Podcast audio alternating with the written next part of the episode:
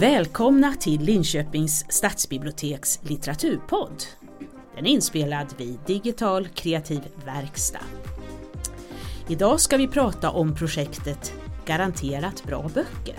Och vi som har arbetat med det här projektet och gör den här podden, det är jag, Britta Lodén och min kollega Miri Höglund och vi arbetar båda vid Linköpings stadsbibliotek. Garanterat bra böcker är ett projekt från Kulturrådet. Det är ett läsfrämjande satsning på kvalitetslitteratur. Och projektet syftar till att sprida information om de titlar som varje år får litteraturstöd. Varje år så delar Kulturrådet ut 36 miljoner till förlagen som de får söka i efterhand när de har gett ut några titlar. Och eh, det är ju för att eh, förlagen ska våga att ge ut smalare litteratur. Vi är ju ett litet språkområde och det kan bli väldigt dyrt för förlagen om de inte säljer så mycket. Sen är det också ett distributionsstöd.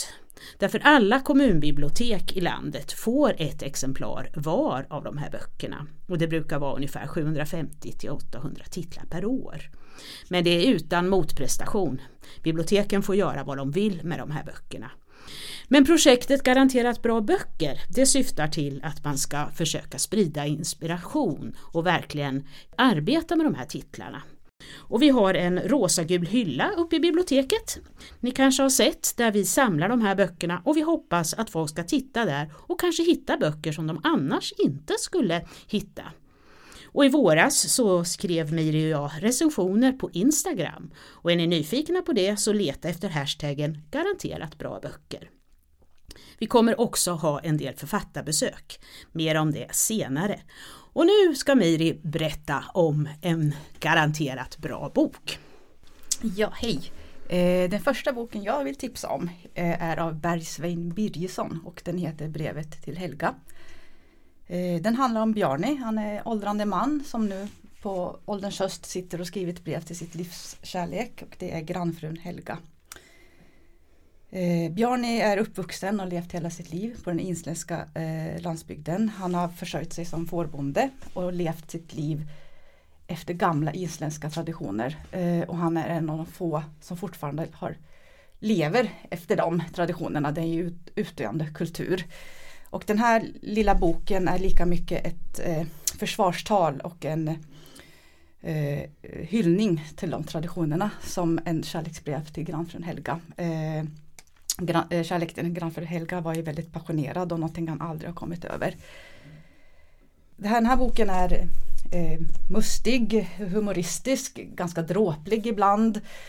Och väldigt, man känner tilltro till författaren, att han kan vad han skriver om. Eh, men den är också otroligt eh, vemodig stundtals, eh, har en lurig skönhet i sig. Det handlar om passion, erotik, kultur och ansvar i olika former. En väldigt vacker elegi över en svunnen tid. Det låter intressant.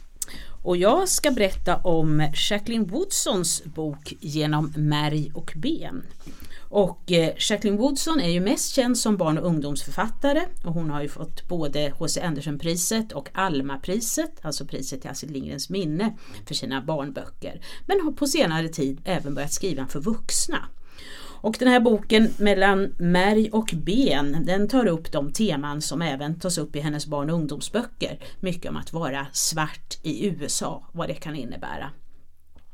Det här handlar om en släkt med tillbakablickar och nutid och som verkligen har kämpat sig upp. Ur förtryck och fattigdom har de nått en medelklasstillvaro. Iris, hon längtar verkligen och börjar ett vuxenliv och ger sig ut och lägga världen för sina fötter. Så blir hon gravid som 16-åring. Och föder Melody och den snälla pappan han flyttar in även han då tillsammans med hennes föräldrar. Och hon känner sig, det var ju inte så här det skulle bli. Så hon lämnar Melody och ger sig iväg till college och där ska ingen få reda på att hon har barn. Hon vill leva som en vanlig tonåring. Intressant, en tunn bok men innehåller väldigt mycket ras, klass, kvinnokamp, ja allt möjligt faktiskt.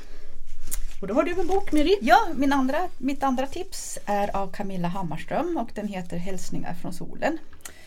Eh, I den så åker en ung flicka, hon kanske är i 12-årsåldern ungefär, med sin mamma eh, och mammans nya pojkvän på chartersemester till solen då. Eh, men väl där så stänger de vuxna in sig i sovrummet eh, och lämnar den här flickan ensam att vandra övergiven hotellet. Hon hon vandrade mellan baren där hon liksom lurar till sig någon slatt alkohol och poolen. Och, och i de här eh, strövtågen på hotellet så växer en väldigt sårig barndom fram. Vi får följa bland annat en skilsmässa, en flytt till ett miljon, miljonprojekt och en separation, separation från ett syskon. Men framförallt så bevittnar vi en väldigt självupptagen vuxenvärld. Eh, Eh, Camilla Hammarström är ju också poet och det märks i den här romanen. Det är väldigt luftigt och poetiskt och vackert hon skriver. Eh, men det är också en väldigt tyngd hon beskriver eh, den här flickans klaustrofobiska värld. Och framförallt de vuxnas svek. Så den här är en bok som känns. Jättefin är den. Jag önskar att många hittar till den. Och jag har en bok här, Gianfranco Caligari's Den sista sommaren. Och den kom ut faktiskt redan 1973 i Italien och blev då en stor kultbok som sålde slut med en gång. Och trots det så kom det inte ut någon ny upplaga från 2010 och den sålde slut med en gång. Och sen här om året så kom den alltså ut för tredje upplagan och även då översattes till många andra språk än italienska och även till svenska då. Och den handlar om Leo, en ung man, litteraturintresserad, som ger sig iväg från sin barndomsstad, som inte är någon bonhåla precis, för det är Milano faktiskt. Men han ger sig iväg till Rom och där ska han slå igenom som författare, journalist och leva livet. Men det blir bara en enda tristess. Och han eh, möter naturligtvis många kvinnor och särskilt blir han ju jätteförälskad i den vackra trolösa redan gifta Arienna. Miljöskildringen är väldigt fascinerande, man riktigt känner den där hettan i Rom. Det blir liksom en, en fond för den här tristessen och hur asfalten bubblar och den hettan och svetten. Och, ja, men, men det är en bok som man gärna läser och särskilt kan man säga att det är en litterärt syskon till Ernst Hemingway och Solen har sin gång och Jo Salinger, Räddaren i nöden. Ja, eh, sista boken jag vill tipsa om är av den österrikiska författaren Laura Freudenthaler och den heter Spökhistoria. Eh, den här handlar, boken handlar om Anne som i flera decennier levt ihop med sin man Thomas. Eh, nu spenderar de sina liv i separata sovrum eh, och delar bara fåordiga dialoger med varandra han betraktar också samtidigt tyst eh, Thomas affär med en yngre kvinna eh, som Anne då kallar för flickan. Anne jobbar som pianolärare eh, men har tagit friår och eh, under det här året då, eh, när vi följer, vi följer henne så har, är hennes liv uppspänt på rutiner. Eh, väldigt ensam och i den här ensamheten och isoleringen som börjar sprickor och förskjutningar ske i hennes vardag. Bland annat dyker då den här mannens älskarinna, som hon kallar för flickan, upp som en någon vålnad i skuggorna i lägenheten. Den är otroligt subtil, eh, nedtonande mättad. Eh, spökhistoria är kanske inte klassisk spökhistoria om man säger så. Eh, det, eh, hon skriver med stor integritet och eh, det är lite svårt att beskriva den här för att den, hon har en sällsam magnetisk hypnotisk känsla i den här romanen. Eh, eh, som jag har svårt att fånga med ord men eh, om jag får välja en favorit av alla bra böcker jag skrivit, läst i garanterat bra böcker så är det den här som jag avslutar med det var min sista tips. Och jag har en till och det är Ida Tirén, Att omfamna ett vattenfall. Och den utspelar sig på två plan, dels i eh, New York och Paris på 20-30-talet och dels i nutid. Och särskilt Paris 20-30-talet var ju en jättespännande tid. Då samlades ju mycket konstnärer, författare, musiker och det var ju en tid eh, som man testade gränser.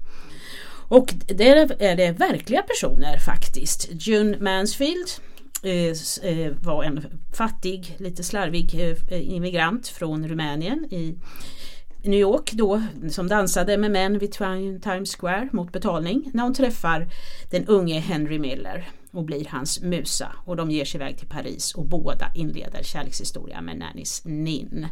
Och sen utspelar den sig också i nutid och så mycket beröringspunkter. Och det spännande med den här boken är att Ida Tirén kommer den 11 november på författarbesök här på biblioteket. Så är ni nyfikna på henne och den här boken så hoppas jag ni kommer och lyssnar på Ida Tirén då. Och vi kommer ha fler författarbesök med garanterat bra böcker.